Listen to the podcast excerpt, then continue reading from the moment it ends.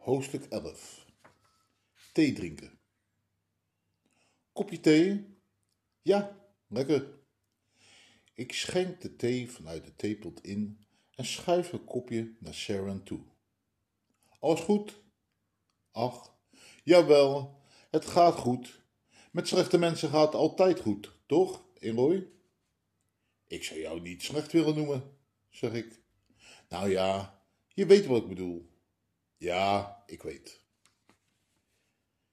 Ik kijk even onopvallend naar haar ogen en zie dat die rood omrand zijn van het huilen, zoals eigenlijk altijd. Dan wijkt mijn blik snel af, voordat ze in de gaten kan krijgen dat ik haar observeer. Ik heb het gevoel dat dat te confronterend zou zijn voor Sharon, alsof ik medelijden met haar heb. En daar zit ze niet op te wachten. Of het nu gemeend is, zoals van mij, of van de valse onoprechter van de hulpverleners.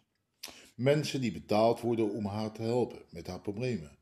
Een soort hoeren dus. En Sharon merkt dat.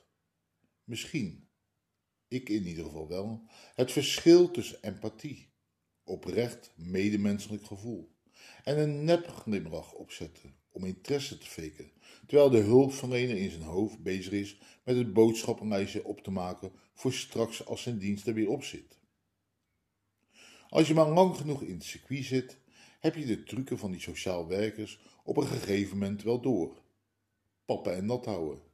Want laten we vooral niet de echte problemen gaan oplossen, want dan zitten ze zonder werk. Zo denken hulpverleners. In hun ogen ben je een kind, niet zelf tot beslissing in staat zijnde.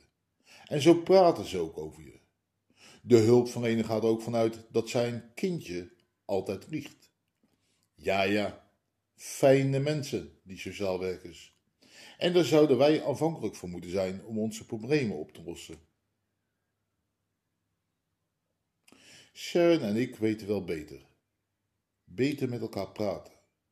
Praten helpt. Maar ik vertel Sharon wel over mijn problemen, maar zij niet over die van haar. En daar heb ik respect voor. Aan de ene kant en aan de andere kant ben ik daar wel blij om. Ik ben een beetje bang voor de beerput die open gaat, als Sharon echt dingen zou gaan benoemen waar ze mee zit. En hoe gaat het met jou, Sesse? Ze kijkt me aan. Ja, goed dus. Lekker werken, goede baas, lekker verdienen. Alleen nog geen vrouwtje, hè? Je bent anders een goede jongen. Daar kan het niet aan liggen. Oh ja, laag ik. Als ik zo'n goede jongen ben, waarvoor hebben wij dan niets? Je bent mijn type niet, dat weet je, ach Seren. Ik heb je in ieder geval weer aan het lachen, denk ik. Oké, we zijn op de goede weg. Verder gaan dan, Roy. Jo, kijk naar mij Eén brok puur man, zo voor het oprapen. En dan laat jij liggen. Ja, het is wel goed met je. Je haar is lang. Dan scheer ik me kaal, zeg ik gevat. Sharon grinnikt. En dan ben ik je de Laila zeker. Nee, ik wil jou niet. Je bent gewoon te jong voor mij. Dat is discriminatie. Noem het hoe je wilt. Maar zoals ik het voel, is het gewoon zo. Je doet me pijn. En dat is nog een ding vervolgt ze. Je bent altijd een clown en ik wil een serieuze man en van jou kan ik geen hoogte krijgen. Dat is lekker. Ik dacht dat vrouwen op mysterieuze mannen vielen, zeg ik.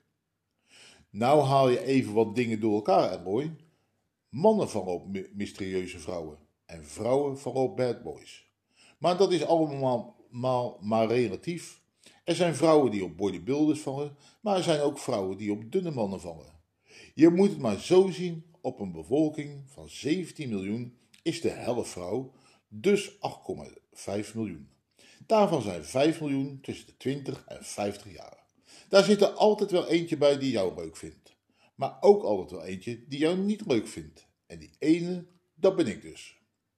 Maar niet getreurd. Op elk potje past een dekseltje. Beëindigt ze haar monoloog. Nog een kopje thee? Ja, lekker. Van al dat praten krijg ik dorst. Ik pak de theepot en schenk haar nogmaals in.